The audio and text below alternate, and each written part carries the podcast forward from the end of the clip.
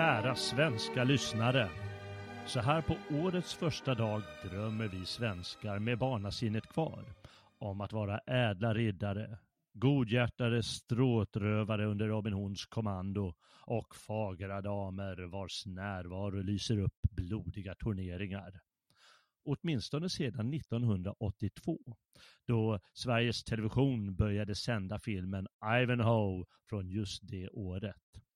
Först gavs filmen på olika dagar i december och januari, men från och med 1993 sändes den på just nyårsdagen. Och år 2003 tog TV3 över den underbara traditionen. I god sed vill vi på Svegot Plus följa den traditionen och ge vår hyllning till den unge höviska riddaren, till Sam Neils skurkaktiga tempelriddare och inte minst till författaren av originalromanen från 1820, skotten Sir Walter Scott. Så här på årets första dag ger vi också vårt sista Svegot Plus-program. Men var inte oroliga, kära lyssnare. Som fågel Fenix kommer vi att inom en vecka återuppstå i nytt Svegot-format för att fortsätta vår odyssé genom europeisk kultur och historia. Varje tisdag kommer ett nytt avsnitt att sändas under titeln På gamla och nya stigar. Och jag, Jalle Horn, kommer att vara er stigfinnare. Men nu tar vi farväl av 2020 års Svegot Plus kultur genom att skärskåda boken och filmen Ivanhoe, hylla nationalisten Sir Walter Scott och inte minst välkomna min medhjälpare Robin Hood. Nej, jag menar Robin Holmgren. Ja, det är lätt att säga fel där. Jag fick ju faktiskt eh, namnet Robin på grund av Robin Hood eftersom jag har brittiskt påbrå. Så att, eh, mm. Okej, okay. har du eh, levt rövare eller? Ja, det har jag gjort. Men nu... det har du gjort? ja, okej. Okay. Ja, men det är ju bra. Jaha, då är det klart att eh, jag har skrivit upp en liten eh, par smygfrågor här. Mm. Vem du tycker var coolast när du var yngre och såg den här eh, tv-filmen första gångerna? Är det Ivanhoe, är det kung Rickard, är det Loxley eller är det eh, Brian de Bois Gulbert? Det där har förändrats genom eh, åren faktiskt. Eh, först, för det är alltid så att när man väl ser den här filmen så fastnar man i den. Mm. Eh, och det börjar alltid med att, ja, men Ivanhoe är ju coolast. Ja. Eh, men så ändrar man sig och, och, tycker att, nej men, den svarte riddaren är ju coolast. Jaha, jaha. Och, och sen kommer eh, Loxley, är han coolast. Jag, jag, jag, väntar, jag sitter här och darrar nu vad som ska komma. Men efter att ha läst boken så är det slutgiltiga svaret den svarta riddaren. Aha, okej. Okay. Jag trodde att det skulle bli den här Gilbert till slut. Nej. Nej. Ja, jag kan, ju, jag kan ju säga en rolig grej jag läste igår om det bara. Och eh, det var Sam Neill, alltså skådespelaren eh, mm. från, eh, inte framförallt känd från Jurassic Park-filmerna. Hur han, han twittrade för förra året, Sweden I have strapped on my body armor, renewed my courage, got my evils back, and I am and embraced once again to Sweden's most hated. And this year I will win. Jag tycker det är skönt den här tweeten. Jag tycker att vi är helt knasiga som, eh, som tittar på den här filmen om och om igen ja. varje nyårsdag. Ja, det är lite udda faktiskt. Ja, det är lite udda, men jag tycker att det är underbart för det är som, som jag lite lustigt sa där i inledningen, att det är ju att eh, vi drömmer om att vara riddare. Vi lyckades inte förra året, men det här året ska vi bli en ädel riddare. Men det är ju en så här typisk film också, som, där man inte har läst boken. Ja, ofta är det ju så. Uh, om människor ens känner till att det är en roman från början. Nej, ja, ja, nej, då, då är det svårt att läsa boken. Mm. Eh, Jag har vetat det länge, men eh, jag har inte heller läst den tidigare och eh, det var ett jättebra förslag av dig att ta upp den här. Det passar ju tidsmässigt och fick jag äntligen läsa Walter Scott, för jag har inte läst honom tidigare överhuvudtaget. Och han är jätteviktig i litteraturhistori his- litteraturhistorien, som vi ska komma in på varför eh, allt eftersom programmet lider. Men jag har ju faktiskt en fråga till och den är mycket viktigare än den första. Vem tyckte du var vackrast eh, när du såg de här?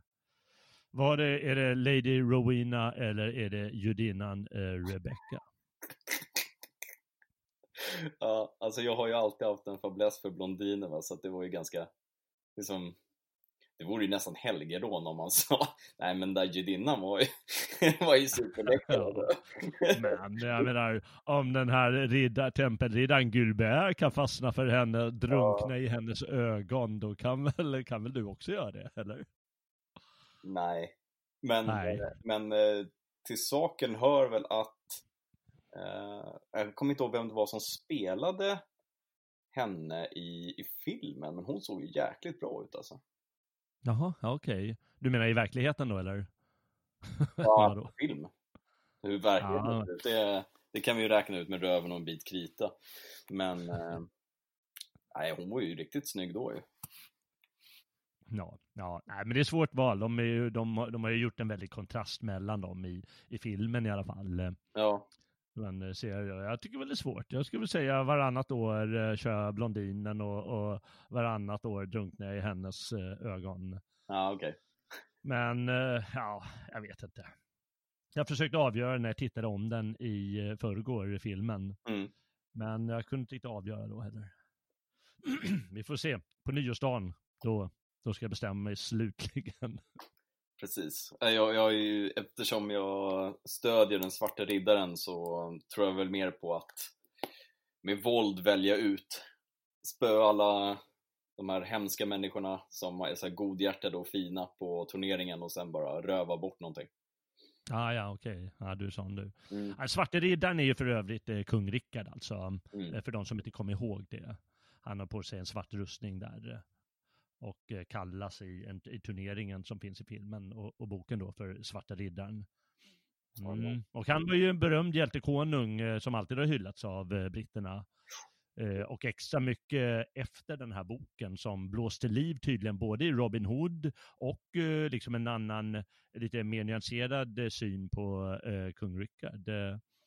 Eh, så det är rätt häftigt eh, hur den har, vad den har åstadkommit, den här boken. Så du har ju ditt namn, Robin, då, efter Robin Hood. Och det är ju Walter Scotts eh, på grund av honom. Jajamän, Som, ja, du heter vad du heter. Mm. Coolt. verkligen. Ja, och eh, boken och filmen utspelar sig alltså i England, men eh, Walter Scott, han var ju alltså skotte. Och eh, han levde i början av 1800-talet. Eh, han var då alltså eh, den mest eh, lästa författaren och mest, eh, han var dessutom mest uppburna poeten, ska vi säga, kommer tillbaka till det snart, eh, där i början av 1800-talet. Eh, och Skottland, de hade en union tillsammans med England då, det var ju två skilda kungadömen tidigare, sedan 1707 och eh, då började de kalla då landet för Great Britain. Eh, sen så fick ju småningom själva England då, ska jag säga, den större rollen givetvis, alltså eftersom tiden led. Mm. Men Skottland var väldigt eh, eh, intressant land där på 1700-talet och, och början av 1800-talet. Eh, inte minst kulturellt. Eh, eh, upplysningseran var väldigt stark där. Det finns väldigt många berömda skottar som hör till de mest kända upplysningsmännen. Eh, till exempel David Hume, filosofen, Adam Smith tror jag det blir, nationalekonomen och ja, några till som kanske inte alla känner till. Ska inte dra deras namn nu. Eh, Så det var starkt och dessutom hade man då en stark eh, romantisk tradition där man just sökte det egna folkets kulturella rötter eh, genom då inte minst litteraturen och, de gamla sagorna, de gamla keltiska sagorna i första hand, eh, i Mm. den variant som fanns där uppe i norra Britannien. Inte minst genom en en författare som hette James McPherson som eh, skrev eh, då något som kallas Ossians sånger. Han påstod att han hade hittat de här eh, berättelserna, men det var han själv som hade skrivit dem efter då saker han hade läst. Så det var helt hans egen stil. Och då stod hela, tog, tog hela Europa med storm. Mm. Så det tog så här tio år innan folk började gräva lite mer i det där och inse att ah, men det var ju inte alls han som har skrivit det. Så fick han komma ut med det så småningom. Men eh, det är i alla fall en intressant eh, eh, tradition där som kom i slutet av 1700-talet och, och början av 1800-talet just eh, att eh, hitta det egna folkets kulturella, kulturella rötter. Mm. Liksom, den nationella identiteten, folkkultur och folksjälen. Mm var liksom viktiga begrepp då, som, som mer eller mindre skapades där i slutet av 1700-talet. Eh, jag hörde det nämligen på Svegot Plus som gick i måndags. Eh, jag tror att det var i måndags. Eh, hörde en repris av det idag. Och då mm. var det en, en tittare eller lyssnare som frågade vad är folksjäl för något? Och det är ett begrepp som ja, skapades i slutet av 1700-talet. Just för att hitta det egna folkets kulturella rötter.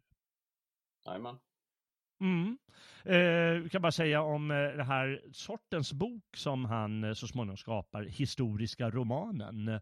Eh, och eh, det är, man brukar säga att, eh, att det finns någon sorts enstaka föregångare till Walter Scott, men alltså hans uppfinning mer eller mindre. Mm. Och det är ju ingen liten tradition som bildas där. Det finns bland de mest kända böckerna i europeisk eh, historia de senaste 200 åren är historiska romanen, till exempel Ringaren i Notre Dame, De tre musketörerna, eller på svenska då, eh, Folkungaträdet, två romaner av Heidenstam och Utvandrarserien. Mm. Ja, eh, så det är intressant. Och han skrev ju roman, han, han började skriva romaner 1814 och eh, det kan också vara intressant att veta att eh, romanen på den tiden, det var ungefär som film för oss, det var massunderhållning. Mm. Om du var känd poet eh, och så gått till litteraturhistorien så hade du liksom hade ingen chans eh, försäljningsmässigt jämfört med de som skrev populära romaner. Ungefär som idag kanske. Ja. ja, så, äh, så var det på den tiden. Och det kan man verkligen, alltså förlåt jag måste bryta in här, men, men mm. boken fungerar ju verkligen på film. Ja, så den är ju verkligen skapad, eller väldigt lätt att använda våra medium för, för att liksom kanalisera ja. den. Ja, måste jag hålla med om. Han är alltså väldigt bra, han utvecklar romanen, måste man verkligen säga, eh, på ett särskilt sätt, eh, Walter Scott. Eh, och eh, det, det som du säger, att det, det passar att filmatisera. Mm. Ja, är det häftigt?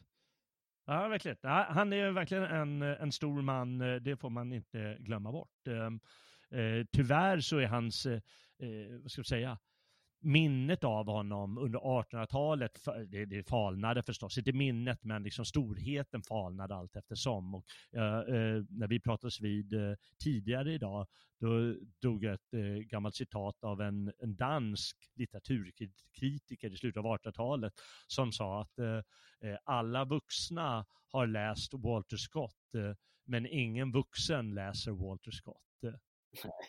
Och med det menar förstås att ja, men det är inte vuxenlitteratur, det är gjort för Nej. ungdomar eller barn. Och det var ungefär den rollen han fick allt eftersom 1800-talet led framåt. Mm. Men eh, ja, det var väl lite på grund av de moderna som rådde eh, lite senare på 1800-talet. Jaha, vi ska väl säga då lite om honom, eh, för han är betydelsefull, alltså både i nationalistisk mening och litterär mening. Eh, och han har gett oss den här underbara gåvan då, Ivanhoe, att så vi kan frossa i på nyårsdagen, vi svenskar. Precis. Och han var alltså den mest lästa europeiska författaren då under 1810 och 20-talet på grund av sina eh, romaner. Mm. Han gav ut så här 27 stycken romaner varav 26 var, hade sån historisk eh, förankring. Han var väldigt... Eh, men han, vad sa du? Han var väldigt produktiv. Han var väldigt produktiv. Ja, det, det var i och för sig, de var produktiva på ett annat sätt mm. förr. Författarna, jag vet inte, de var väl intelligentare förr i tiden helt enkelt. jag vet inte. Men han, eh, i, i början av sin karriär var han poet. Eh, och han var alltså den populäraste poeten, alltså i England för engelsmän, mm. kring 1810. sen så kom 1812 kom en snubbe som hette Lord Byron och han övertog den rollen rejält. Lord Byron, han, han var ju alltså Europas näst mest, näst mest kända person mer eller mindre i Europa, kanske med Goethe och någon till. Mm. Men vem hamnade på första platsen i början av 1800-talet? Ja, det frågar du mig så här. Ja, jag frågar dig. Ja, det är liksom alla kategorier. Jaha. Ja, man, man, kanske inte tänker på det, det är för uppenbart. Eh. Det var en kortväxt herre från uh, Korsika. Ja, Napoleon. Napoleon var, han var givetvis allra mest känd. Han, han krigade ju i hela Europa. Jaha, men jag var ju inne på så här eh, författare och sådana där saker. Jag tänkte att vad ah, det kunna vara.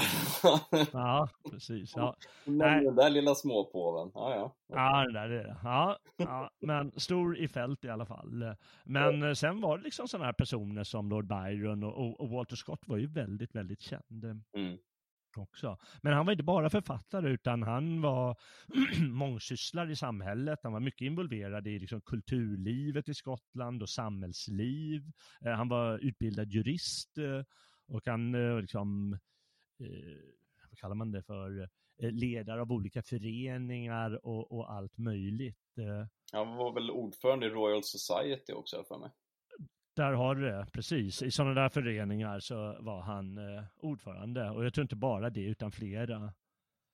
Han blev adlad 1820, eh, inte på grund av sina böcker, utan jag tror att det var att han hittade något sorts regalier eller något sånt. Eh, gamla smycken eller så. Tillsammans med någon annan. Eh, ja, jag kommer inte ihåg exakt varför, men sen dess blev det alltså Sir Walter Scott. Han hade lite otur i slutet av sitt liv. 1826 eh, då var han delägare i ett bokförlag och då gjorde bokförlaget konkurs. Och då blev han skuldsatt för livet. Eh. Och det är ju grymt alltså. Han sålde ju i mängder. Han var ju mest lästa författaren i hela Europa då. Men det var ju inte som det är nu för tiden att eh, om du skulle sälja på det sättet som en sån här Dan Brown eller något sånt, då blir du ju mångmiljonär för livet. Eh. Mm. Men det blev man tydligen inte då, utan han blev skuldsatt eh, ordentligt på grund av den här eh, konkursen. Och eh, han var en så stolt person som, eh, nej men då, ja, då finns det bara ett sak, du kavla upp ärmarna och börja skriva ännu mer och sälja ännu mer.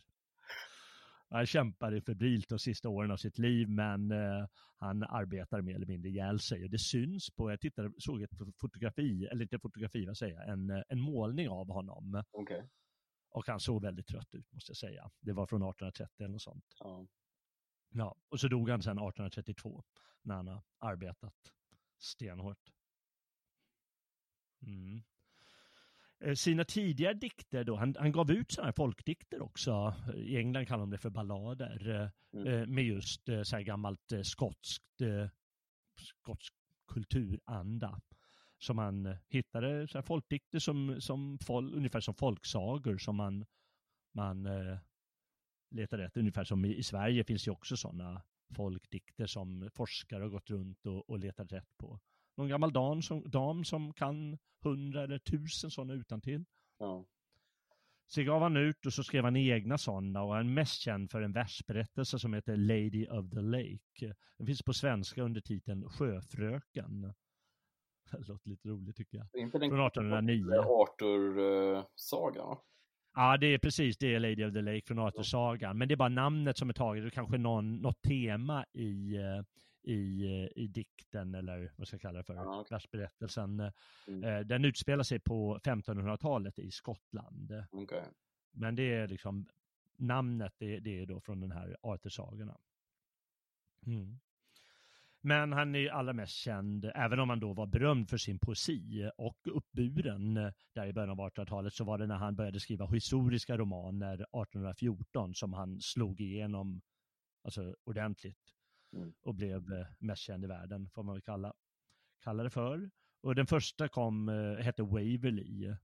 Den hade skotsk intrig då från 1750-talet. Och det här med att det är skotska intriger, det visar ju också hans eh, förmåga att skapa liksom en nationalistisk känsla.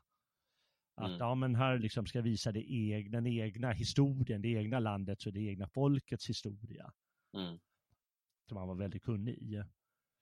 Och eh, han skrev då 26 eh, sådana romaner.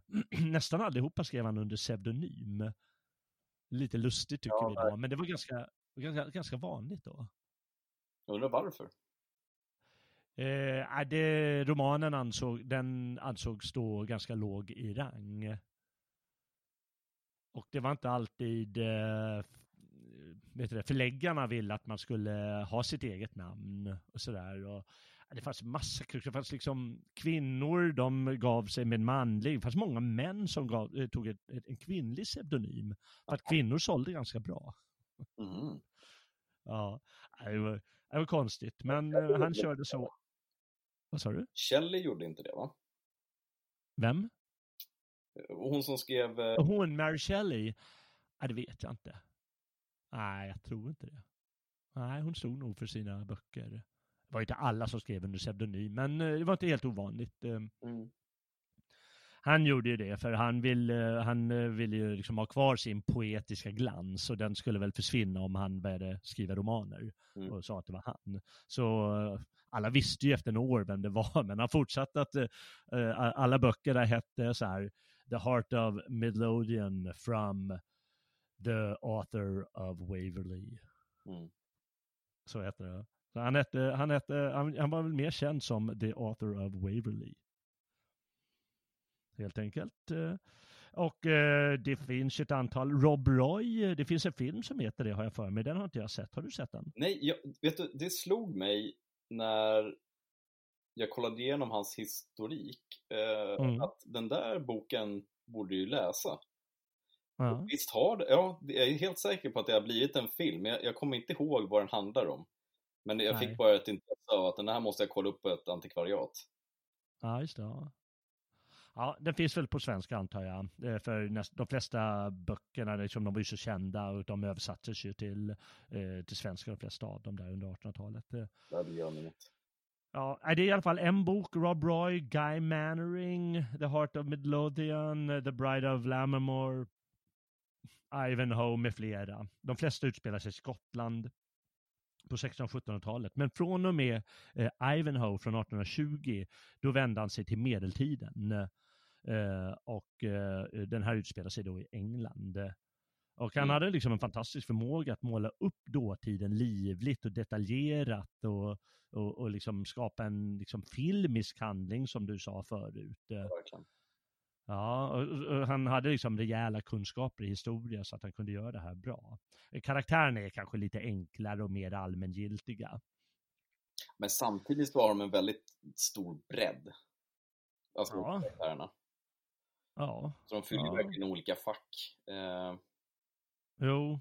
Ska vi jo, men det gör de. Ska gå in på någonting som är väldigt speciellt med just Ivanhoe när det kommer till just eh, romaner och deras eh, mm deras intriger och sådär. Någonting som jag slogs utav ja. är att eh, Ja, alla har väl säkert sett filmen vid det här laget. Så att det blir... Ja, vi hoppas det. Vi tar det nästan för givet. Vi, vi, vi kommer dra handlingen lite kort eh, om ett litet tag, men vi tar lite om, om, eh, om Scott först. Men, men var det väl någonting du ville läsa där, eller? Eh, nej, men det är bara en, eh, en snabb reflektion. Ja. Som är väldigt unikt för honom som författare av den här typen av romaner. Mm. Eh, för sådana här romaner har jag plöjt igenom i många år. Ja. Och han är den första som har låtit en eh, huvudperson eh, ligga i princip sårbar medan resten av handlingen bara utspelar sig. Och han blir bara en, en bisittare. Ja det, det, är så unikt. Jag har aldrig, aldrig läst en bok som, eh, där det har framkommit. Liksom. Okej, okay, ja. Så det, det, är väldigt speciellt. Ja, men det är nog sant. Eh, jag försöker låta det rulla i skallen här, men jag kommer inte på någon nu. Men det är också ett, ett drag i boken som är intressant, det är sant. Ja, för mm. lite på nålar då. Jag menar, är inte ja, precis, karaktären ja. liksom? ja, faktiskt. Ja, nej, verkligen. Uh, ja, nej, men det kommer vi komma in på uh, strax. Uh, vi kan väl nämna lite om uh, att det liksom, han var viktig för den ska vi kalla kanske nationella rörelsen, men liksom nationalistiska andan som fanns då mm. eh, i slutet av 1700-talet och, och, på många sätt hela 1800-talet. Politiskt sett så var det ju så att folken frigjorde sig i nationalistisk anda under 1800-talet. Eh, Walter Scott själv, han var politiskt sett unionsanhängare, så han förespråkade inte ett självständigt Skottland. Men man hittar ju hela tiden den här nationalistiska undertonen i verken, liksom just kulturen, att kulturellt sett så gäller det att vi ska vara stolta över vårt arv och, och vi ska sätta fingret på vad det här arvet är och måla upp vår historia och våra hjältar och, och, och vad vi har här i Skottland. Mm. Eh, och det här eh, det är liksom en idé som fanns där runt år 1800 Eh, att man då skulle just skildra det egna folket och dess kultur som har då ett särskilt unikt värde. Mm. Jag menar, det, tidigare på 1600-talet och början av 1700-talet, då tänkte man eh, att eh, ja, men kulturen i Frankrike, det är det absolut största. Mm. Och allt annat det är skräp. Och det är det alla tycker det. Även om man kommer från Ryssland eller Sverige eller Kongo, ska man tycka att den franska kulturen, den är överlägsen. Mm. Men då menade en filosof som heter Herder att, eh, och han var samtida med andra som uttryckte liknande, att eh, nej, varje folk har sitt eget värde och varje folks konst har sitt värde. Mm. Och det är liksom unikt och måste bedömas för sig och inte enligt några allmängiltiga universella mönster. Mm. Och Walter Scott, han, han är ju del av den traditionen. Och det, det märker man då i hans eh, historiska romaner och eh, eh historiska, eh, eller hans eh, poesi också. Mm. Och det är, det är viktigt tycker jag, att eh, poängtera att det är att det är viktigt. De som kommer ihåg det här från filmen så, så känner man ju igen det här med att saxarna han målar ju upp en konflikt, med, en stark konflikt mellan saxar och normander. Mm. Eh, normanderna erövrade ju England eh, i mitten av 1000-talet va, genom eh, slaget vid Hastings 1066. Ja, ja. Eh, och eh, då blev ju de herrar i landet, eh, även om liksom, grupperna flöt ihop och både adelssläkten också. Mm. Det var inte så att de blev kungar och alla saxare blev trälar. Men, men i filmen eh, så är liksom de här, och i boken så är saxarna eh, målar, målar upp sig själva som något positivt, så som det här är ju vårt land. Mm. Och här kommer de här främmande eh, så, lite, nästan lite svartmuskiga personerna. Ja. De är bara från andra sidan kanalen, men ändå. Eh, kommer hit och ja, men det är konstigt och det är skumt, utan det är ju vårt värde, det är det vi vill slå fast och det, det gör ju en grej av eh, mm. den tanken i, i boken och filmen. Ja, verkligen. Det mm. är ju, alltså eh, de där tankarna finns ju med under hela romanen. Ja, det gör det ju. Just de mm, inneboende konflikterna och, och en längtan efter lite mer kompromisser. Ja, precis. Det, ja. äh, kung Rickard är ju väldigt trevlig så att säga. Han, han vill ju liksom äh, sammanföra folken och hitta liksom gemensamma drag istället för särdrag då. Ja, exakt ja. ja. Och han är ju, han är ju, ja, det är hans bror också i och för sig, men han är, eh, han är ju dels från Frankrike. Hans mor är ju mm. eh, från eh, Sydfrankrike och hans eh, far var kung av England. Eh, mm. Så han har ju en fot i, i båda läger kan man ju säga på sätt och vis. Han var ju inte normand utan han var ju från lite längre söderut om jag, om jag minns rätt, Rickard Lejonhjärta. Men, men han, han målas ju upp så i, i boken och det är ju en viktig, den här försoningen genom de två folken är ju ett viktigt tema i boken. Ja eh, medeltidsvurmen som då man kan, man kan finna i boken. Alltså, det är ju en medeltidshistoria, men det fanns på den tiden, i början av 1800-talet, slutet av 1700-talet, just en vurm för medeltiden som var helt ny. Mm. från och med 1400-talet så målades ju medeltiden upp som ett, liksom, ett mörker. Mellanperiod mellan den, den högtstående antiken och eh, då när de började återupptäcka antiken på 1300 och 1400-talet, eh, då man kallar det renässansen, mm. just på nyttfödelse. Eh, men då i och med att man hade den här idén om att det, varje folk ska värderas unikt så kunde man tänka sig om tidsperioder också. Och då fick man en positiv syn på medeltiden som att den har sitt unika värde mm. och är stor liksom för sig. Den ska inte egentligen inte jämföras med annat och ja, den har sitt eget värde och är bra. Ja, och, i Sverige har vi ja. inte den traditionen av att vi ska... Vad sa du? I Sverige har vi inte den traditionen av att vi ska se positivt på medeltiden. Det är ju liksom bara ett mörker. Eh. Ja, ja, precis. Det är så det lärs ut i, i böcker. Men de, de, de har ju kämpat i ett par hundra år, men tiden går ju sakta alltså. De har kämpat i ett par, så många professorer och alltihopa har kämpat i ett par hundra år om att få fram liksom, en positiv syn på medeltiden. Ja. Men ja, den har ju inte slagit ut uh, helt och hållet än. Det är det som att det finns något så jätteglapp mellan typ vikingatid och Gustav Vasa. Ja, precis. Ja, det blir det. 500 ja. år av totalt mörker. Ja, totalt mörker. Ja, men det är faktiskt sorgligt för det är ju väldigt vacker tid och det är därför vi älskar Ivanhoe. jag, jag gör det i alla fall. Jag tycker det är underbart att se på, se de här riddarna och eh, faktiskt, om man studerar så fanns det fantastisk litteratur och allt möjligt då. Så man, man ska inte förakta medeltiden, absolut inte. Nej, och han, han fångar den här brittiska själen väldigt bra, får man säga. Mm. Uh, mm. Nu är ju kanske, ja, i, i och med att jag har många brittiska släktingar så, så, så blir det lätt så att man blir lite vurmande för det, men jag känner igen väldigt många sådana där typiska drag som man förknippar ja. med britter, att de är väldigt gästfria, eh, har dålig humor eh, och, och dylikt. Eh, ja. det, det, framkommer många av de här små sakerna som gör att britter är britter, framförallt engelsmän är engelsmän. Eh, det. Det, det lyser liksom igenom i romanen. Vilket är väldigt roligt. Ja, ja.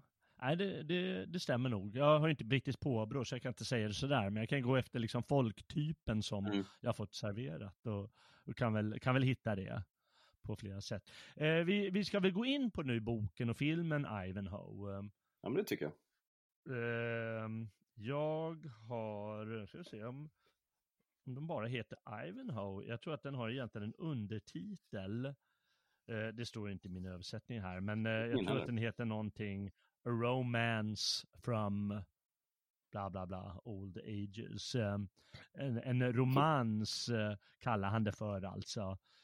Det är ganska bra att han säger det, för det är liksom en det är en roman verkligen. Det är med, med, handling som man har liksom skapat själv och så. Det är ju inte ren historia. Och det gjorde han klart för eh, redan då. Och det här var en, eh, det man kallar romans då, under medeltiden fanns det alltså en romans, eh, något som kallas det, särskilt romans bretons, det vill säga eh, romantiska berättelser från eh, eh, brittiskt område.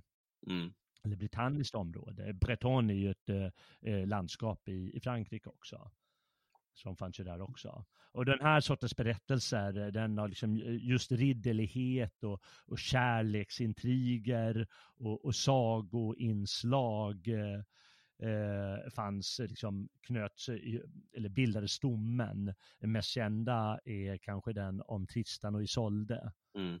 Som många känner till. Och det är den traditionen som den här boken eh, är lite del av. Därför han kallar den romans. Men eh, det är ändå liksom ganska historiskt som det var då. Med, liksom, när han målar upp Rickard Lejonhjärta så är han ganska nyanserad och hygglig bild av honom och eh, fångar upp den här Robin Hood och eh, turneringar. Det är liksom väldigt målande med turneringar och häxbränning och eh, normander och saxare och, och, och borgar och så, och belägring av borg. Så han eh, målar ju upp den här medeltiden väldigt eh, ja, målande och livligt tycker jag. Ja, väldigt positiv bild av det. Ja, det blir en positiv bild, det tycker jag också. upp liksom de här som Gurt till exempel, som är en träl. Det är ju inte så att han bara, åh, eller okej, okay, han klagar ganska mycket, men det är ju för att det är en sån karaktär. Mm. Det är ju inte så att de blir alltså, jättedåligt behandlade eller någonting sånt där. De enda som blir dåligt behandlade är judarna liksom. Ja, just det. Mm. Men annars så, det, det är ju liksom ingen svält och inga, inga hemska mord eller någonting sånt där som lyser igenom. Så det är ju verkligen en klassisk riddarroman så som man liksom föreställer sig det. Ja, ja det får man säga. Han, han la väl standarden helt enkelt. Och ger upp. Och då, då, är det ingen som, alltså en mans ord är hans lag liksom. Just det, just det.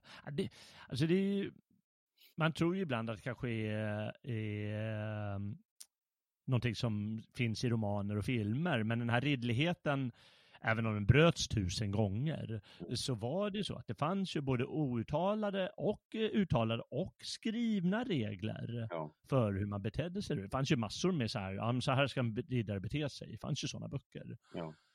Uh, och även om inte alla riddare kanske läs, kunde läsa själva och sådär. Uh, men, men det fanns, och det fanns ju då den här sortens etikett då som var viktig. Det, det liksom existerade under, under medeltiden, det får man inte glömma. Nej. Även om det ibland var hårt klimat. Men du sa personen Gurt och då är det kanske bäst vi tar lite upp om, om filmen och boken här. För de som inte minns eh, och de som minns och tyckte det var konstigt. För den här Gurt, eh, han är ju en svinaherde. Eh, som är träl då, som du säger, under den här saxiska hövdingen Cedric. Eh, mm. I filmen den gamla mannen som är lite grinig, som är Ivanhoes pappa. Oh. ja, och eh, han finns inte med i filmen, den här Gurt. Nej, det kanske han inte gjorde. Utan det är bara narren, eh, eh hans kompis Wamba, Wamba, som finns med. Okej. Okay.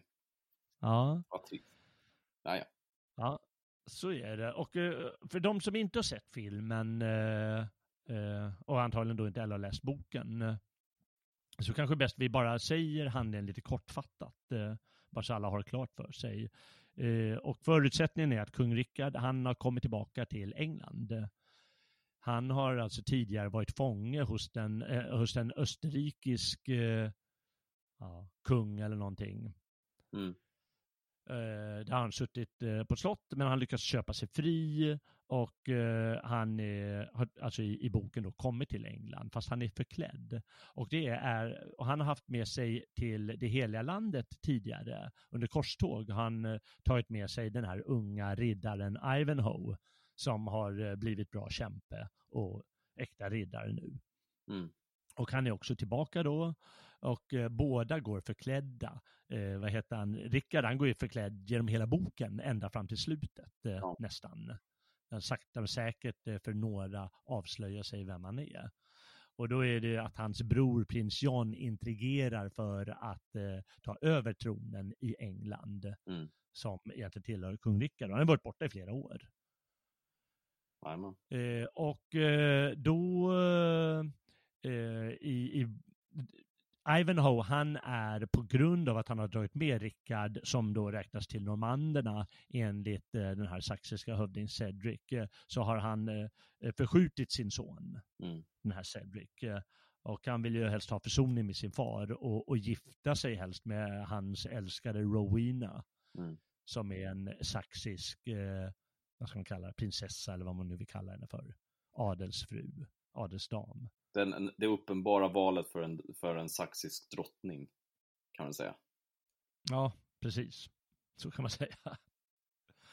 De är alltså i alla fall tillbaka i England eh, för uh, han ska se till att ja, få tillbaka sin, han har ju förstås hört vad som händer kung Rickard och han ska se till att ingen tar hans tron. Mm. Och då den här prins John, han har med sig då norman, några normandiska adelsmän och de är ju herrar mer eller mindre i boken i alla fall. Mm. Eh, det ska sägas att eh, den här konflikten är någonting som eh, han har blåst upp eh, eh, Walter Scott tydligen eh, när det utspelar sig på omkring år 1200, det är strax före år 1200, då hade de, fly, då hade de liksom gifts samman kan man säga. De har flutit ihop de två folken Mm. ganska mycket och det fanns inte den sortens konflikter längre.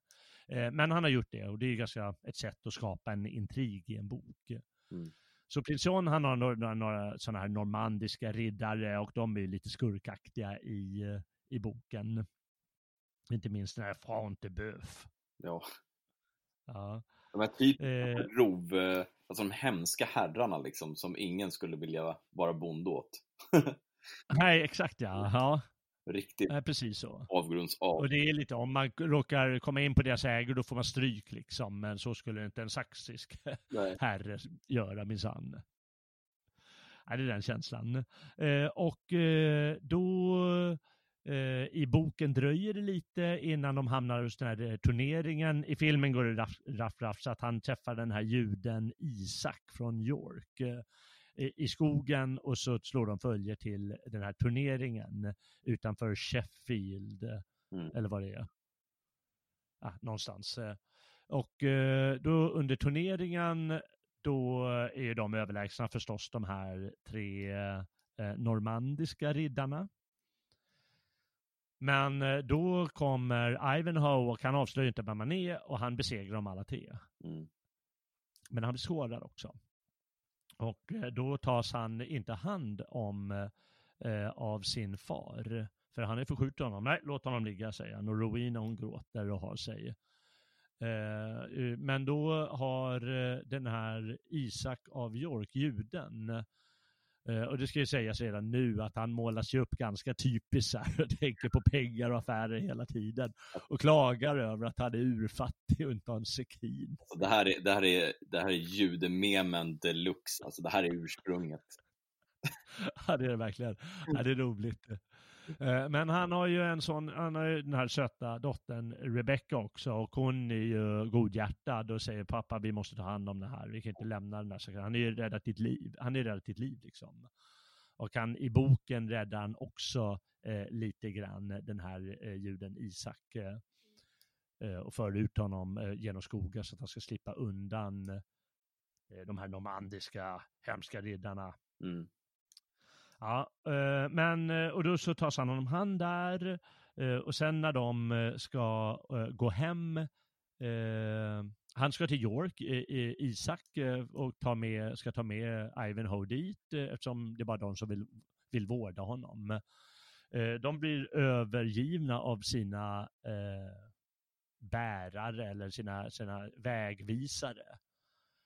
Eh, och eh, då så stöter de på den här k- hövdingen Cedric eh, som tillsammans med Lady Rowena och eh, en annan ädling som heter Athelstane eh, är tillbaka, ska till, och, gå hem.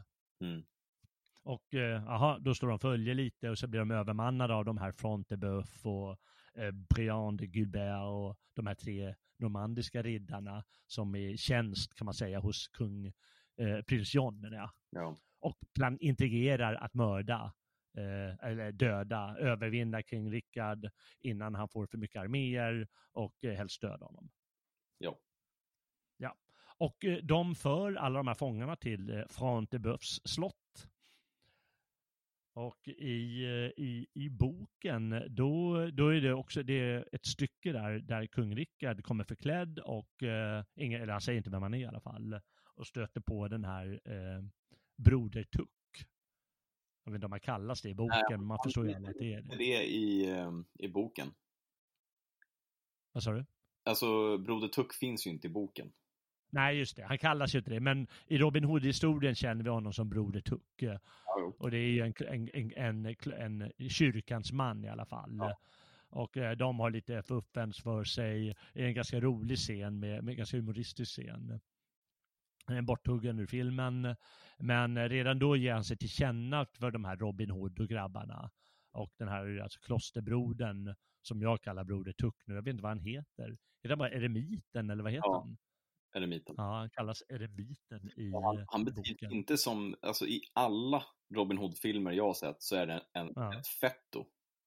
Men Ja, det. det Ja. är inte så han beskrivs i boken, utan då är han liksom stor och reslig liksom. Alltså typ Ja, det. Ja. krigare liksom. Ja, de tampas väl någon gång, eh, han och, och, och kung Rickard. Eh, om jag minns rätt. Eh, alltså på skoj. Ja. Ah, gör de det? Jag kommer inte ihåg vad det Ah, nej, nu, nu Ja, jag tar vi iväg här. Strunt samma. Eh, men han kommer i alla fall i slang med de här eh, som är stråtrövare. Och Robin Hood, han kallas ju inte Robin Hood, utan han kallas eh, Loxley Mm.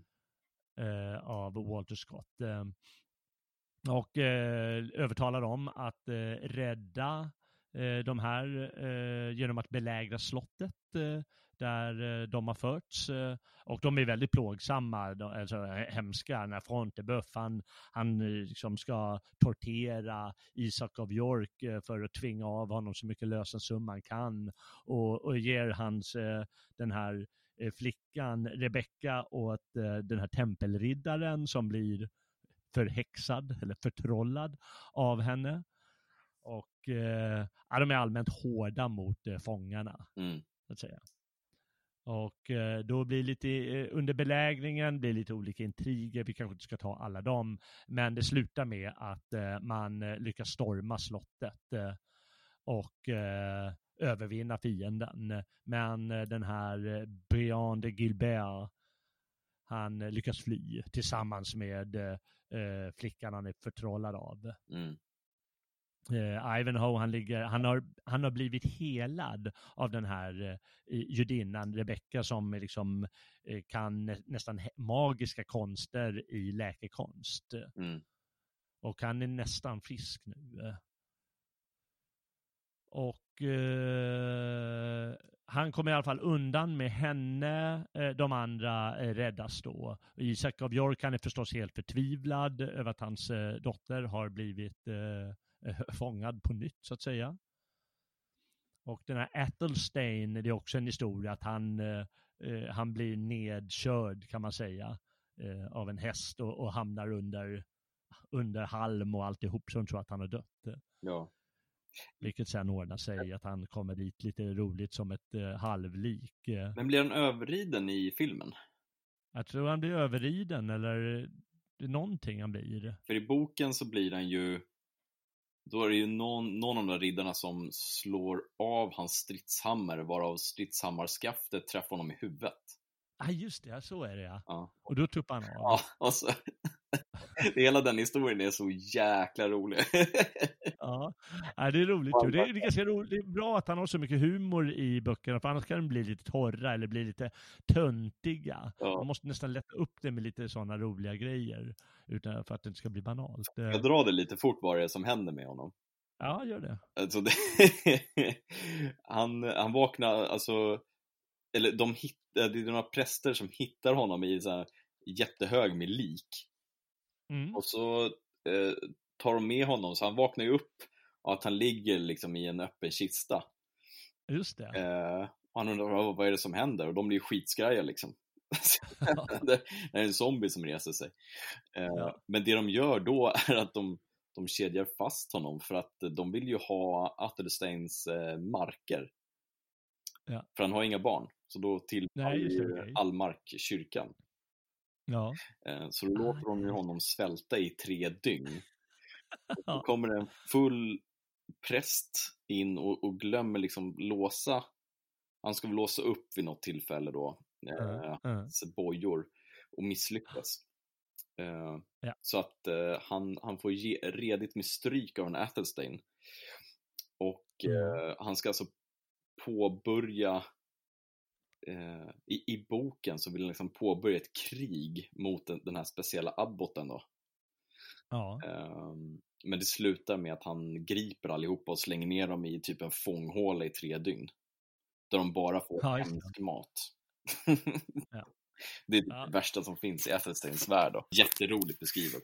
Ja, nej, men det är bra. Och det finns ju flera sådana humoristiska avsnitt. Eh, Mm. man säger. Det finns ju också så här, lite skräckromantiska. Det var ju en genre som också skapades då. Mm. Eh, skräckromanti eh, kallas ju gotisk eh, skräck.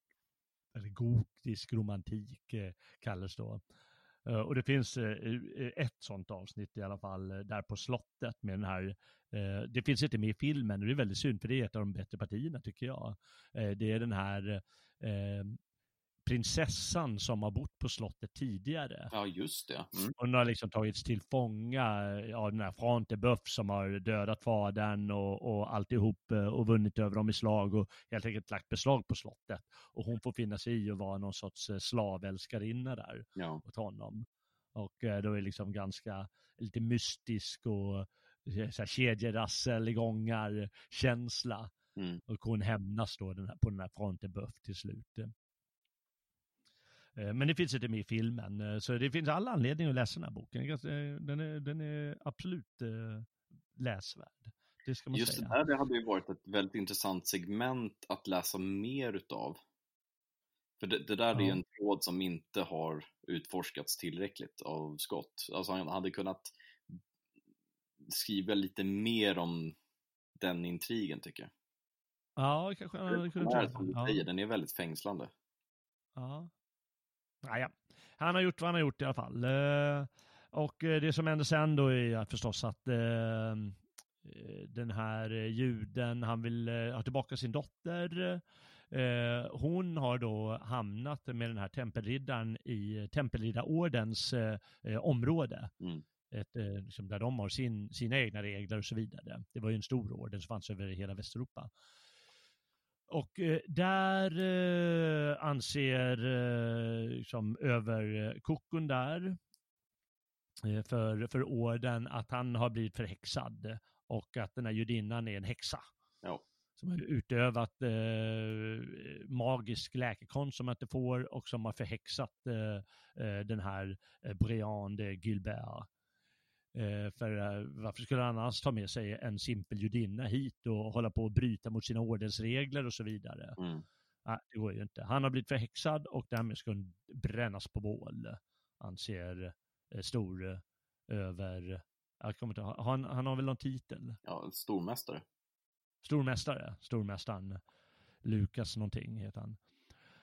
Och eh, det, det, det kan sägas också att det är inte en historisk exakthet där, att det var ingen, häxbränning fanns inte där på 1100-talet, eh, utan det var ju någonting som slog igenom först på 1500-talet egentligen, att man dömde häxor Mm. lite oftare. Det fanns väl enstaka personer kanske, men det var väl inte så att de brändes på bål där på 1100-1200-talet. Nej, och det, det där är Men eh, det, det, det är ju bra effekt i alla fall, det är ju en stark scen. Ja, men verkligen. Och, och det där är också någonting sånt där, alltså, när, när vi ändå är inne på saker och ting som man kanske inte har pratat så mycket om.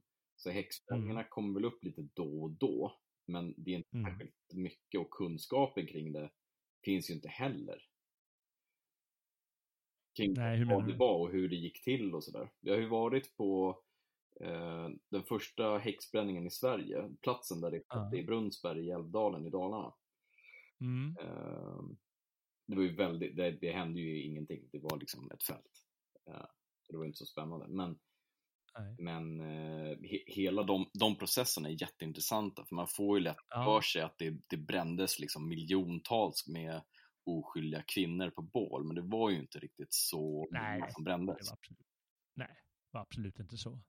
Och om man ska tillskriva det någon, eh, så är det inte medeltiden man ska tillskriva det, utan det är ju snarare på 1500 och 1600-talet som det blossar upp lite Ja. sånt där. Men det är ganska marginellt fenomen får man ändå säga. Det är bara det att det är så, det är så laddat och därför blir det eh, lite upphaussat. Eh, Men det är intressant som du säger, man kan ju följa det i och med att eh, eh, det är ganska, det finns ju eh, dokument om det hela Ja, varför man ska bränna dem och, och de rättsliga processerna och så.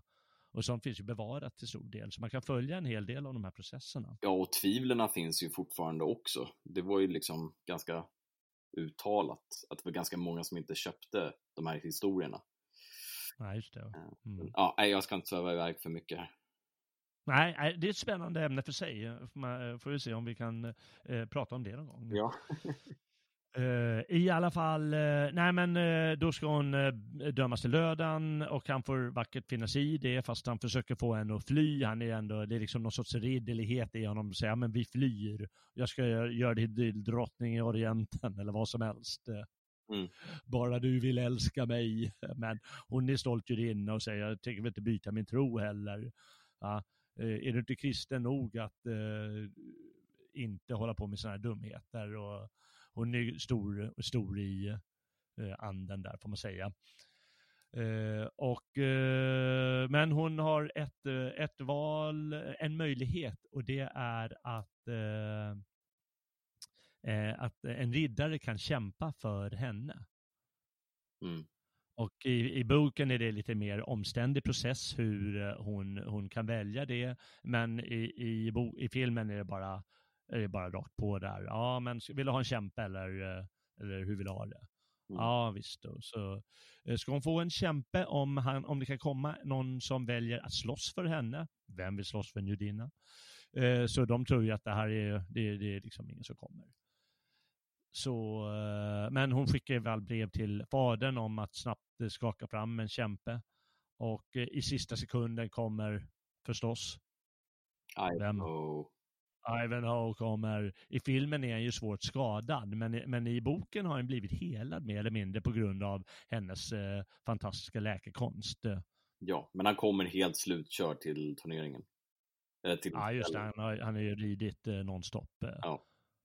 Mm. Och så är det uppgörelse. I, och i filmen är det lite av höjdpunkten, att det är väldigt starkt laddat och så. I, i, i boken är det lite mer ah, tjoff, tjoff, tjoff. Ja. och eh, eh, det, det skiljer sig åt eh, vad som händer där. Och om det är någon som inte minns eh, vad som händer ska vi väl inte avslöja det, annat än att eh, hon inte blir bränd. Nej. Nej. Utan klarar sig undan. Och eh, sen så kommer eh, kung Rickard också och löser upp den här orden och, och alla.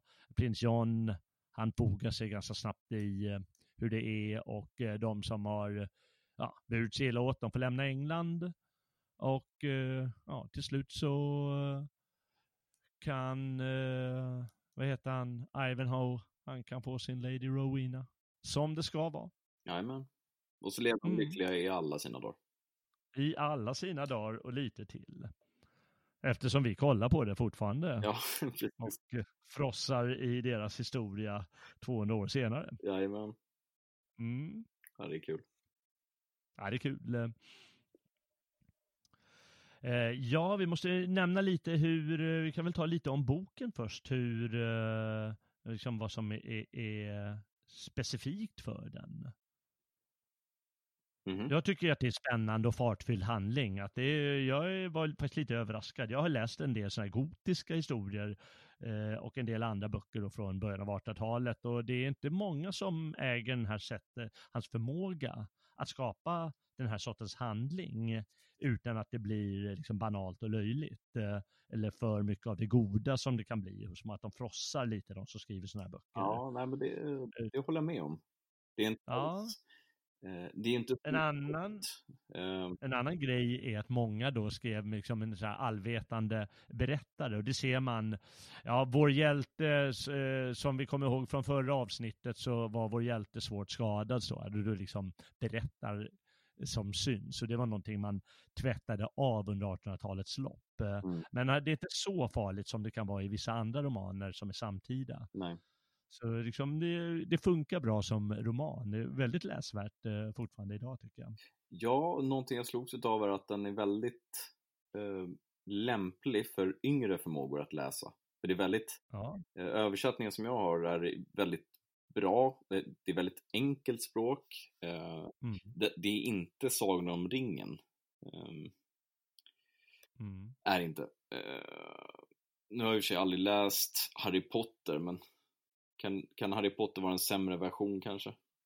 Jag har ingen aning, jag har inte läst Nej. Harry Potter. Fan. men, jag höll på att säga att jag är för gammal, men eh, då vet jag, jag har haft eh, både flickvänner och sett eh, vuxna kvinnor sitta och läsa det där.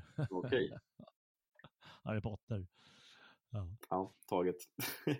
ja. Eh, men jag tycker det är väldigt intressant just för att i, i det här är ju en tid i, i uh, historien som man inte känner till så mycket om. Uh, men man känner igen karaktärerna, man känner igen Rickard Lejonhjärta, man känner igen Robin Hood. Ja. och Robin Hood är ju förmodligen den mest kända utav alla. ja, förstås. Så mm. bara det så är det ju här väldigt intressant att eh, ta del utav. Ja, men det tycker jag också. Ja, jo. Ja, verkligen. Och det är som sagt, det är ju det är han som har gjort det. det är han som har dragit upp honom ur... Det fanns ju folkberättelser och, och nedskrivna berättelser där han figurerade den här Robin Hood, men, eh, men inte så den här slagkraften som han får i, eh, i den här boken. Nej. Och han, blivit, typ, han har ju blivit väldigt stark filmkaraktär då, Robin Hood. Ja. Genom Errol Flynn stor skådespelare. Jag tycker det är, någonting som går igen ganska mycket som jag själv tycker var väldigt intressant. Det är just de, de här konfliktytorna mellan saxar och normander. Mm. Um, det har jag aldrig tänkt på sen innan. Uh, men det blir så självt att så fort det kommer ett nytt folk erövrar så blir ju de den nya adeln. Uh, och det är intressant ja. att se de konfliktytorna i boken. Ja, verkligen. I filmen är det lite väl enkelt att han bara klagar på någon annan än den här eh, hövdingen eh, Cedric, ja. Eh, eller adelsmannen Cedric, och säger förbanna dem och sur och sådär. Men, men han gör reda för lite, lite ordentligare och redigare Waterskott i boken. Ja. Och ja, det är ganska givande. Det är roliga karaktärer, rent generellt. Ja, det är det. Man kan ju säga om karaktärerna att de är ganska mycket typer. Ja. Eh, man ja, men har den här eh, lite eh, överilande ynglingen som vill så gärna Ivanhoe förstås, eh, ja. men som ändå är ridderlig av sig. snåla, ultrasnåla judar, vad sa du, memernas mem. Ja, ja, det är otroligt ja. alltså. Eh, som mockar sig hela tiden, men ändå är liksom på något sätt godhjärtad eh, och ändå är stor, storartad när liksom att han struntar i alla pengar, liksom om hans dotter står på spel. Mm. Eh, vi har det här godhjärtade våpet som Lady Rowena ändå är, men ändå är när det är dags förstår att sätta sin beskyddare Cedric till rätta liksom, och säga nej men vi måste göra för, för Ivanhoe och måste göra något för honom och jag vill ha honom och så vidare. Mm den här övermodiga och dryga prins John. och den här melankoliska tempelriddaren. Ja, som också blir förälskad och ja, eh, det är lite mer dramatiskt i filmen än vad det är i boken. Eh, ja, det är det. Men ja, det är också en ganska intressant historia, för den är ju rätt bisarr. Ja, den är lite bisarr och den uppfattas ju av alla som bisarr. Mm. Men eh, det gör ju ändå, det är det de har utnyttjat mest eh, i filmen, tycker jag. Och det kommer ändå fram i boken att eh, han, de här Frontenberg, jaha, men eh, ja, det är väl bara att dra på en ungefär. Mm. Men det är inte det han vill, utan han är ju fångad på ett djupare plan ja, eh, igen. Och det är liksom lite av den kraftigaste delen av historien. Han, han gör ju det största offret av alla Ja, han gör, ja, precis, han gör ju det. Ja. Han ger ju upp liksom hela sin ära och ja. sätter det på spel på värsta sätt också. Ja, han, borde, han borde studera stoicismen alltså. Vad borde han studera sa du? Stoicismen, så att han... Eh, ja, ja, det borde han gjort. Ja, det kanske han gjort, men han kunde inte hålla sig ändå. det går liksom. ett, ett par ögon är ändå ett par ögon. Ja, det var väldigt... Det spelar ingen roll vem de tillhör. Det var mycket öken i Palestina. Ja, ja verkligen.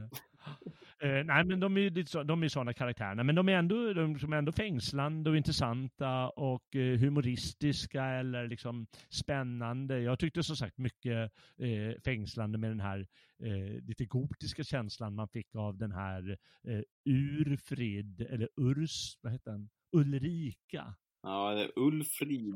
Som tillfångatagits av den här Pontipuff. Och levt där på slottet hela sitt liv eh, mm. eh, som hans eh, liksom, älskarslav, eh, eller liksom vad hon nu ska kallas för. Eh, det fanns många intressanta karaktärer och och så. Och äh, bra handling och bra scener. Eh, och det är ju han känd för att skapa eh, livliga, färgstarka scener. Vi har ju där turneringen till exempel. Mm. Eh, det är väl ingen som hade skrivit en roman med turneringar före Walter Scott skrev Ivanhoe. Mm. Och den är ju väldigt färgstark, turneringen där i början av, i början av filmen och ganska tidigt i boken. Eller det här episoden på klostret eh, eller vad det är, där eh, den här eremiten möter King Rickard. Mm. Eh, eh, eller där händelserna i borgen, både när de tas till fångatagna och den här stackars juden Isak, han blir ju piskad där i, i källar, i källarna, i, i, i tortyrrummen och, och sen stormningen av, av borgen, eller händelserna i skogen, eller häxbränningsscenen. Liksom starka, livliga scener. Samtidigt så kommer han in med lite jätteintressanta liksom, historisk kuriosa eh, mm. efter den här turneringen. Att eh, ja, men det var en jättebra turnering för eh, det, det, gick så hett till. Det dog tre pers och ett tiotal blev skadade för livet. Mm, ja, just det. Bra sport, kul! ja, men det är så det är. Och eh, i filmen gör de en poäng, jag kommer inte riktigt ihåg boken, eh, även om jag helt nyss läste den, men det blir ju så när man, eh, eh jag såg filmen nu efteråt, eh, mm. och där gör hon, den här judinnan Rebecka, en poäng, ja men vad är det för någonting att söka, vad, vad, vad vinner av att slå ihjäl någon sådär? Men äran Rebecka, förstår du inte äran? Och det är det som händer i de här turneringarna. Att, ja, det är de, och det är ju de tappraste som vågar ställa upp på sånt där. Har du sett... Det är risk för, livet. Ja, men har du sett eh, de varianterna i eh, nutid? När de bankar på varandra med ridderrustningar och sådär. Nej, jag har faktiskt inte gjort det. Där på Gotland och sådär. Ja, eh, jag följer flera team faktiskt. Eh, som heter ja. Buhurt eller något sådär. Jag har en, en eh, god vän från Ukraina som tävlade i det där. Eh, och eh, jag, jag, visste inte att man gjorde sånt. Och då visade några filmer och det, var, alltså, det är det brutalaste jag sett. Alltså. Det är, om man tycker att det är, det är coolt med MMA, ja jo men att ta på sig en riddarrustning och sen slå människor i huvudet med ett trubbigt svärd eller en, en stor jävla pålyxa. Alltså det, det, är det brutalaste jag har sett alltså. Ja, jag förstår. Du kan ju förstå vilka, vilka killar det var. Jag menar, ha på dig en sån där helrustning. Ja, jag vet. Bara det, alltså, man orkade inte slåss så länge för det var ju för jobbigt eh, förstås. Men ändå ha på sig en sån och, och genomföra en dust. Ja, det är ja. helt otroligt. Det är jobbiga grejer. Ja, det... Klarar inte vem som helst. Ja.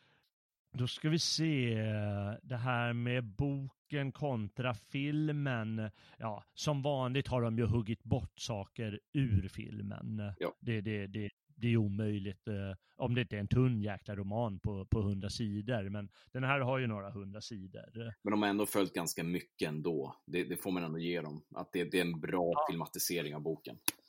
Jo då, de, de, har, de har bara huggit bort lite scener här och var som det här med klosterepisoden och i början av boken när de är hemma hos Cedric eh, där. Ja. Och eh, lite annat smått och gott. Um, och det, det, det, är helt nödvändigt för att skapa en bra film, annars blir filmen antagligen tråkig. Ja. Så det, det tycker jag de har gjort bra. Uh, och de har ju fångat, uh, tycker de har fångat uh, liksom känslan väldigt bra eh, av, eh, av just turneringen och, och den här eh, kampen i borgen. Mm. Och, och häxbränningen på slutet. Eh, jag tycker liksom de har fångat scenerna väldigt bra. Ja, jag håller med om. Det, och eh, hela den här ridderligheten och, och, och, både den här Lady Rowenas förtvivlan ibland och den här eh, stackars judinnan Rebecca, att de har fångat de eh, kvinnorollerna, eh, gjort dem väldigt starka i filmerna. Ja. Ja, där gör de ju nästan lite överpoäng av att han blir lite förälskad, nästan lite förälskad i henne, eh, Ivan också. Ja. Den här judinnan som har hjälpt honom med sin fantastiska läkekonst. Ja, men det är spännande karaktärer. Du hade ju några ställen att eh, läsa upp om dem. Alla, kan ju se, alla som minns filmen, de kan ju se dem framför sig.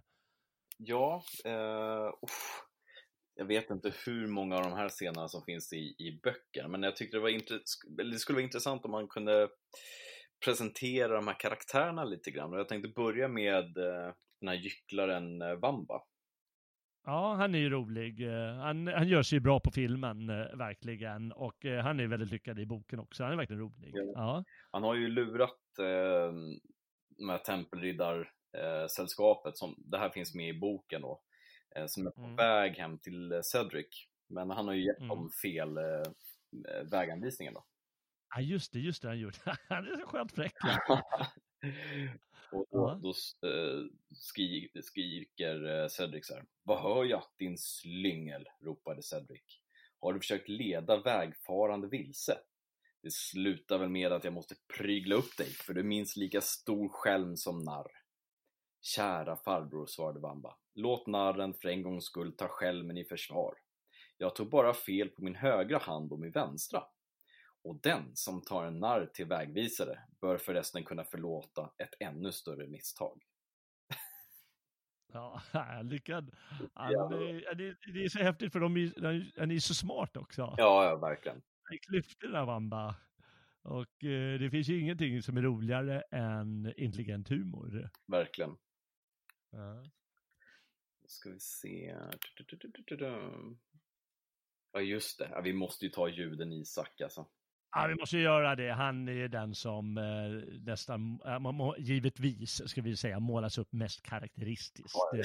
och, eh, vi ska samtidigt säga då att eh, även om han målas upp på det sättet som, är, som, är, som en giribuk eh, eller en snåljåp av Guds nåde, så är det ändå så att eh, toleransen är ett viktigt tema i, i boken. Ja. Eh, både just toleransen gentemot judar, och de målas upp av Walter Scott som, eh, som förtryckta, liksom orättvist förtryckta eh, närmast. Så är det inte så att han, ah, nu ska måla upp en, en jude med kroknäsa och så vidare. Nej, det är inte Der Stürmer det här inte. Nej, men det är ändå liksom karika karikatyr på, på många sätt, få höra. Ja, det är ju då efter turneringen så ska ju då eh, Ivanhoe betala Isak för sin hyrda eh, rustning. Och då har han skickat mm. då sin väpnare Gurt, den här svinaherden. Mm. Eh, och då har han precis kommit in till Isak då. Jag försäkrar, sa Gurt, att han är rask och kry. Du kan ju själv syna honom i stallet. Och jag tycker 70 sekiner är alldeles nog för rustningen. En kristens ord betyder väl lika mycket som en judes. Om du inte vill ta 70, han skakade pungen så att mynten klingade, bär jag tillbaka den här till min herre.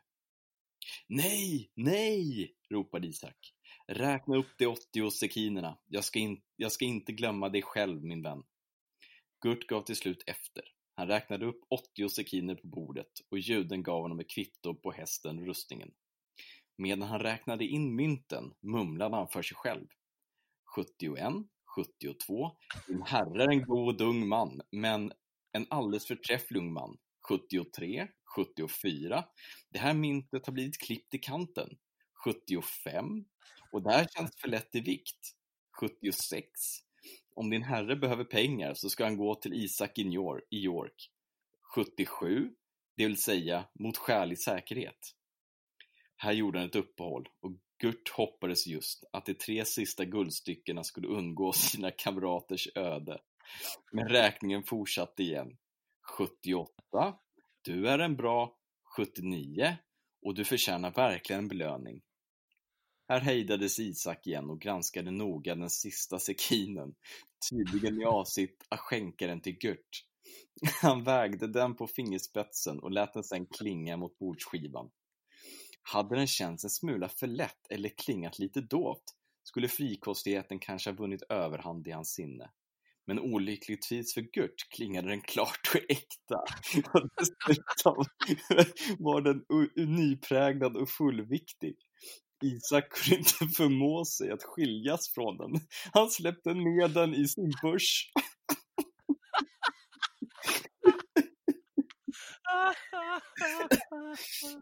ja, det är så jäkla bra. Det är så bra. Ja, det är roligt. Ja, det är verkligen snyggt.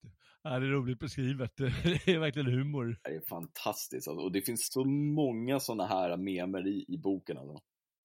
Ja. Ja, det gör det. Ja, det, det finns faktiskt flera sådana, men det här är verkligen en av de bästa. verkligen roligt. Ja. Jag ser framför mig Gurten, han bara, men jag vill ha en. Ja, en kan jag väl få. Han bara, nej. nej precis. Åh, oh, fy fan. Ja, uh, verkligen. Och när vi ändå är inne på Gurt. Ja. Eh, det är synd att han, han inte har fått någon roll i filmen för att han är faktiskt jätteintressant. Ja, han, eh, det, han eh, tillför livlighet eh, eh, verkligen. Ja. Men man förstår att de måste rationalisera bort, det blir för mycket annars i, i en film ibland om det är för många Ja. personer. Men, men, men för alla oss, eller för alla de som bara sett filmen, får höra lite om honom. Ehm, ja, alltså han är ju, han möter oss ju i eh, romanens absoluta början. Mm. Han Just det. Nwamba och eh, han verkar ju bara den här världens bittraste britt liksom. Ehm, men eh, han blir så himla glad över att han får bli väpnare åt Ivanhoe. Ja. Eh, Och, och Ivanhoe avslöjar sig för honom rätt tidigt, eller hur är det? ja, precis. Mm. Eh, och i det här fallet då eh, så Rebecca, alltså efter att han har, inte har fått någonting från Isak eh, så möter den här judiska dottern Rebecca upp honom eh, och Mm. får han eh, några sekiner. Eh, och då säger han så här Vid Sankt Dunstan, sa Gurt för sig själv medan han snubblande gick fram i den mörka gränden. Det där var en ängel från himlen.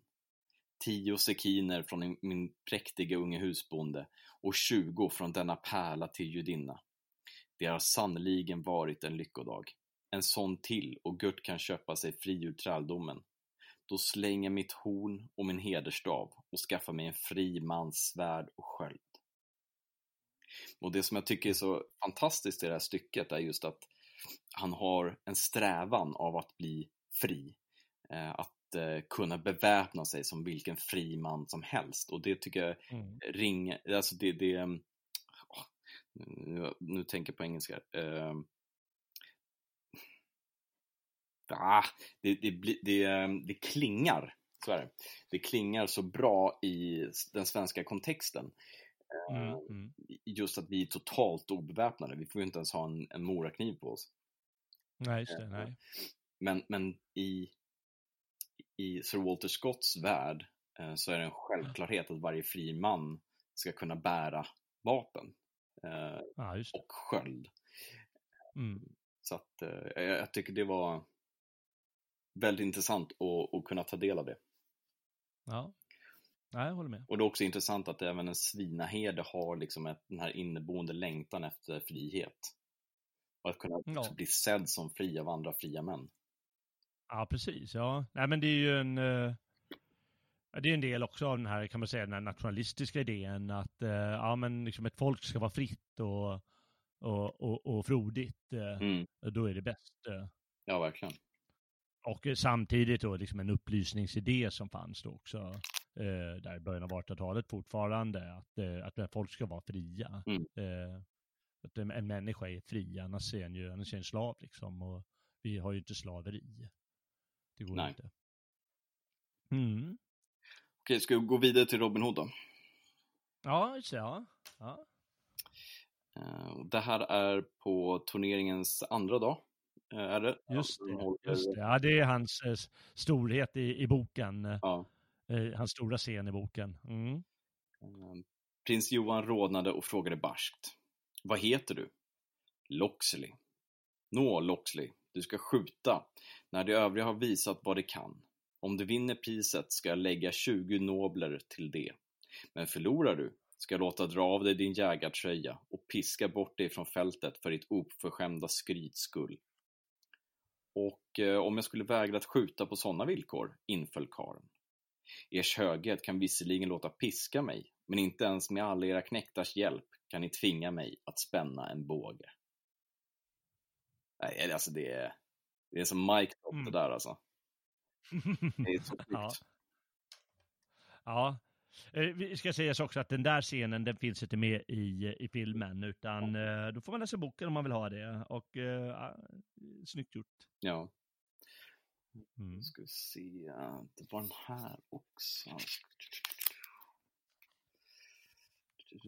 Sen du och jag började prata så har jag förstört mina böcker med massvis med märken för att kunna hitta. Aj, det får man inte göra, det är förbjudet. Du måste lägga i eh, små papperslappar eller någonting. Ja, nej, men jag har inte så mycket för det.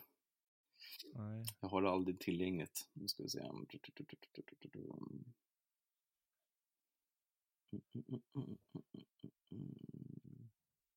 Ja, just det. Hubert, som är den största eh, motståndaren till Loxley då, eh, mm. tillbaka till sin plats. Den här gången lydde han motståndarens råd och beräknade noga det lätta vinddraget från sidan.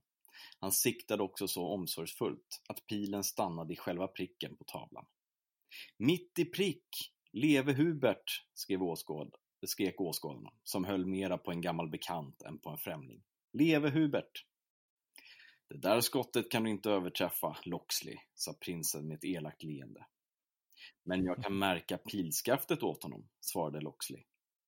Och när han hade siktat, mer omsorgsfullt än förra gången, lät han pilen flyga från strängen. Den slog ned rakt på medtävlarens pil och splittrade skaftet. Och det här, det här, det här um, stycket tog jag med just för att det är härifrån det kommer. Det kommer från Sir Walter Scotts roman Ivanhoe. Där han ja. skjuter en pil i en pil. Ja, där har vi det. Precis. Det är sagt. Ja, det är det sagt. Alla Hollywoodfilmer, äh, Hollywoodfilmer de, äh, om Robin Hood, de har snott det härifrån. Jajamän. Ja. Mm. Det är ju roligt för den där är sådana saker som man tänker automatiskt är Robin Hood, men ingen vet vart det kommer ifrån. Nej, precis. Ja, ja. Nej, men det, det är ju verkligen en stor gåva för, eh, för filmkulturen på 1900-talet. Det finns ju jättemånga berömda Robin Hood-filmer. Mm. Och eh, ja, att han har dragit upp honom ur, ur gömmorna lite, eh, Sir, Sir Scott. Ja, får vi vara tacksamma för. Jajamän. Då ska vi se om vi ska ta den här då. Mm -hmm. Ja, den här är intressant, Den svarte riddaren. Mm. Ja, just det. det. Kung Rickard alltså. Jajamän. Det är när uh, Loxley ska försöka få med sig den svarte riddaren, som inte har avslöjat sig själv än, uh, för att mm. ta den här borgen. Ja, just det. Um, för min del, fortfor Loxley, skulle jag önska att ni vore en lika god engelsman som god riddare. För det jag nu tänker tala mer om angår varje hedlig kar, men i synnerhet varje äkta, infödd engelsman. Du kan inte tala till någon, sa riddaren, som ömmar mer för Englands och varje engelsmans liv än jag. Det tror jag gärna. Hör nu på så ska jag tala om en plan som ni kan ta en ärofull del i, om ni är den ni ger, ger er ut för. Ett band skurkar som har förklätt sig till bättre folk än de är har överfallit och tagit till fången engelsk ädling, Cedric Saxaren, och hans myndling och dessutom hans vän Athelstein av Coningsburg. Bö. Eh, de har förts till ett slott i skogen som kallas eh, Torkelstone. Och nu frågar jag er er egenskap av god riddare och god engelsman. Vill ni hjälpa till att befria dem? Det är jag förpliktad till av min riddared, svarade riddaren. Men först vill jag veta vem du själv är som begär min hjälp. Loxley svarade hon. Jag är en namnlös man, men en vän till mitt fosterland och till mitt fosterlands vänner. Tills vidare måste ni nöja er med den upplysningen, allra helst om ni själv vill vara okänd. Men var säker på att ni kan lita lika tryggt på mitt ord som om jag bar gyllene sporrar. Mm. Det tror jag gärna, sa riddaren. Jag har vant mig att läsa i folks ansikten och i ditt ansikte se heder och beslutsamhet. Därför fråga inte mer utan lova hjälpa dig att befria fångarna. Det är väldigt, det, det här är ju en riddarkonversation av Guds nåde alltså. Ja, det är det. Ehm, och där kommer den där riddareden in, också liksom hur Sir Walter Scott föreställer sig i ganska positiv ordlag eh, hur hans förfäder kunde samtala. Eh, och ju, ja. hur viktig den här äran var och hur hårt man höll på dem. Ja, precis. Eh, man kan ju faktiskt säga att det, det, det var ju någonting som fortfarande var helt levande där eh, under 1800-talet. Eh, mm. Det fanns ju, alltså, under den här tiden fanns ju människor som duellerade på, på grund av det här, eh, ja. på grund av ära. Så det var ju, bland vanliga människor var ju det också ett, det var liksom någonting självklart kanske, starkt laddat till skillnad vad det kan kännas vara i vårt, liksom, jag vet inte vad vi ska kalla vårt samhälle, men Eh, det är någonting som har tappats i alla fall, den där självklara känslan för, för ära och heder. Mm. Eh, man, man, kan inte göra vilka övertramp som helst. Det är bara någonting som inte får göras. Nej. Och om det händer, då är det, ja, då är det liksom inget litet man bryter. Och under riddartiden, då var det ännu starkare givetvis. Ja, verkligen. Ja, det är fint. Nu ska vi se. Vi fortsätter lite till eh, Ivanhoe. Ja. Eh, och det här är när han ligger sårad i den här borgen. Då. Just det. Och här måste jag ligga som en gammal sjuk munk, klagade Ivanhoe. Medan striden som ska ge mig frihet eller död utkämpas av andra. Titta ut genom fönstret en gång till, men se upp för pilar. Jag vill veta om framryckningen fortsätter. Rebecka ställer sig bakom skölden igen. Det enda jag ser är pilar som flyger som bisvärmar genom luften. Det här kan inte vara länge till, ansåg Ivanhoe. Om det inte på allvar stormar slottet lönar sig inte pilar mycket mot stenmurar och bålverk. Ja, det, det, är ganska lustigt faktiskt. Alltså att huvudkaraktären ligger liksom i, i, i sin sjukbädd mer eller mindre. Och, och låter liksom sin doktor titta ut genom, ja. genom en fönsterspringa liksom. Ja, verkligen. Ja. Det är nästan lite barnsligt, eh, lite så här hur, hur författaren låter barnsligheten ta över handen, hur, han, hur han får, ja men du måste följa striden nu, jag måste få veta vad som händer, eh, eh tänker den här eh, Ivanhoe, där ligger på sin sjukbädd, mm. och den här spensliga judinnan, hon får, hon får sitta och titta ut genom fönstergluggarna vad det är som händer, allt medan han lever sig in. Ja. Eh, men det är ganska amuserande, det, det, får man säga. Ja. Så går vi in på det lite tuffare för oss Eh, nationalister då. Mm. Um, Fatta mod, sa rabbinen. Din förtvivlan hjälper inte. Försök istället komma till tals med Wilfred, Cedrics son. Han kan säkert hjälpa dig med råd och dåd, för det sägs att han står i gunst hos kung, Le kung Rickard Lejonhjärta. Och det går ett rykte att kungen ska återvända till England. Men Ivanhoe är sårad, sa Isak, och han kan inte bära vapen. Och vilken annan kristen skulle vilja strida för ett stackars förtryckt barn av vår stam? Du måtte inte känna nasarenerna, invände rabbinen. För guld kan man få dem att göra allt. Ge dig till Ivanhoe, under tiden reser jag till York, där en mängd krigare och tappra män har samlats. Om jag inte spar på guldet hittar jag kanske någon som vill våga sitt liv för din dotter. Eh, himlen vare tack, Isak, som gav mig en tröstare i min nöd. Men var nu bara inte för frikostig. Det där otrogna brukar låta pruta med sig.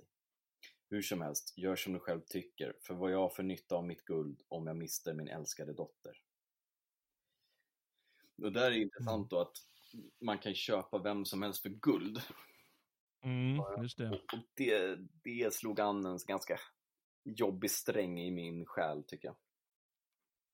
Ja, man, man ska ju klart för sig en sak, att den här, de här eh, riddarna och eh, under ad, ad, adelsmän och riddare så under medeltiden, de fraktade ju pengar. Mm. Alltså det, det, det, var ju inte ett kapitalistiskt samhälle och det är därför det, det är så ett skäl till att det inte slog rot, att det dröjde innan pengar hade den rollen, ja. att det var intressant nog. Eh, utan eh, det var sånt där, ja, men de har ju de här stora banketterna då det ska slösas så mycket som möjligt. Mm. Och det är ju liksom något horribelt i vår tid, det får man inte göra. Man får inte slösa sådär. Men då var det liksom en, en, man ska slösa så mycket som möjligt. Eh, så det, det fanns ju fortfarande den idén, men det fanns ju fortfarande så att vem som helst kan köpas. Eh, det, det, det, det, det får man ju bara inse, alla är ju människor. Det är ett fåtal som inte låter sig köpas. Ja, men det blir ju det blir så hemskt. När, när det kommer så liksom så kallt och rättframt. Mm, jo det är sant. Ja, det är sant. Men eh, man får väl ändå berömma det för att vara ganska ärofulla, ärofulla ändå. Ja. Trots att det där händer lite grann då och då. Ja. Och det kommer fram ganska bra i boken, ärofullheten, även bland fienderna så att säga. De är ju också trots allt riddare. Ja, oh ja, och den som ger upp, ger upp. Och så stannar Ja. kvar där, man, man flyr liksom inte fältet. Nej, utan, nej precis. Ja. Nej, det är verkligen bra. Jag tycker de fångar det, det mesta bra i, i filmen också. Då är det liksom ett helt annat sätt att fånga kar- karaktärer eftersom synintrycket gör ju så pass mycket. Ja, Eh, men eh, jag tycker att de gör det med bravur de flesta. Den är ju förstås rolig. Isak Juden, han är ju spelad av eh, James Mason Mm. som är liksom en av Hollywoods största stjärnor. Och han, jag tycker han gör det ganska bra med det här eviga klagandet över att han är så fattig och, och jag blir av med pengar. Ja, ja. Det här handgruggandet, det är... det här halvgruggandet. ja. Men de andra är också bra. Ja. Eh, han är förstås bra. Sam Neill eh, tycker jag är verkligen bra som tempelriddaren där. Ja, det är väl han som man minns bäst skulle jag säga. Mm. Jag gör det i alla fall. Alltså, Ja, nej, men det är någonting. Det är ju för att han, du sa ju lite där i början att Ivanhoe, han hamnar i skymundan genom att ligga sårad på, på en bår stor del av, av tiden. Och eh, kung Rickard, han syns inte så mycket heller. Och till slut så blir det ju att eh, det, det kretsar kring hans starka nästan besatthet, eh, den här tempelriddaren. Och det hamnar i centrum andra halvan av boken. Mm. Och eh, ja, ja, varför inte? Det, det är ju liksom starkt. Det är stark, en stark del av intrigen. Och starkt gjort. Och, som, och, och även liksom helt essentiellt eftersom han, han sviker sin riddarära och sin ordensära Mm. Genom det här, ska jag säga, valet som han, han, han, han kan inte göra någonting annat, han, han blir illa tvungen. Och det har de ju fångat bra i slutscenen i filmen. Ja, verkligen. verkligen. Ja. Det jag skulle säga, Det är det, det slutet är bättre än i boken. Ja, det, det, det är lite platt i, i boken faktiskt eh, i jämförelse. Och det kommer jag ihåg när man var, när man var barn eh, och såg första gången med, med gigantiska ögon och han, han sneglar bort mot judinnan och, och eh, låter, sig, låter sig dö liksom. Mm. Det är ju starkt. Ja, det är en outplånlig scen som eh, vi måste titta på varje nyårsdag. Ja, har du, har du sett den varje nyårsdag? Det har du väl inte gjort? Nej, alltså jag har inte haft tv på flera år. Nej, okej, nej. Nej, jag har inte heller sett den senaste åren. Eh, Jag läste ja, tyvärr. Men det var ganska trevligt för då fick jag titta om den nu och då var det desto mer fängslande. Ja, jag tänkte faktiskt eh, se den nu på nyårsdagen. Bara för att Ja, just det. Det måste du göra. ja, Ja. Och eh, hoppas att vi inte har förstört för mycket för, för lyssnarna som har sett fram eh, mot den här filmen. N- när de lyssnar på det här så har de förho- förhoppningsvis eh, eh, redan sett filmen. ja men precis. För meningen är ju att det här, mina vänner, ska släppas alltså på eh, nyårsdagen. Om alla våra producenter och så lyckas göra rätt. Jajamän. Och det får vi hoppas att de gör. Eh, Ska vi, eh, ska vi avsluta därmed kanske? Det låter väl rimligt. Vi drog ut rejält på tiden den här gången. Ja, vi gjorde det. Det nästan som en långfilm det här. Jajamän. Men det måste man göra ibland och eh, vi, eh, nej, vi får verkligen eh, tacka SVT för att de införde den här traditionen och TV3 ändå som har fört den vidare. Och inte minst tacka Walter Scott tycker jag för att ha skapat den här sortens berättelse. Ja, då håller jag med. Vi- tackar Sir Walter Scott. Just det, inte att förglömma.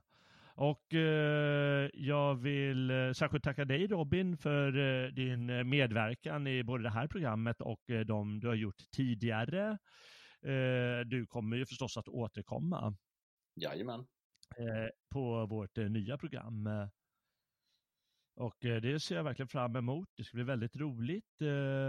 Vi tackar förstås lyssnarna som gör det här möjligt genom sina prenumerationer på Svegot Plus. Eh, Ni får gärna fortsätta med det och hoppas att ni eh, eh, tycker om vår nya hemsida med vår nya design och eh, våra nya program som kommer att komma igång några dagar in på det nya året eh, 2021. Ja, återigen, tack Robin. Ja, tack så mycket. Vi hörs igen. Ja. Och med det sagt tar vi farväl av Ivanhoe och Walter Scott, eh, liksom Svegot Plus för den här säsongen. Eh, det här är vårt sista inspelade avsnitt i kulturens tecken nämligen. Men fäll inga tårar, kära lyssnare. För vi kommer som sagt att dyka upp i ny skepnad här på Svegot om ungefär en vecka. Med samma frodiga innehåll och med härliga gäster. Mitt namn är Jalle Horn och jag säger kort och gott väl mött anno 2021 på gamla och nya stigar.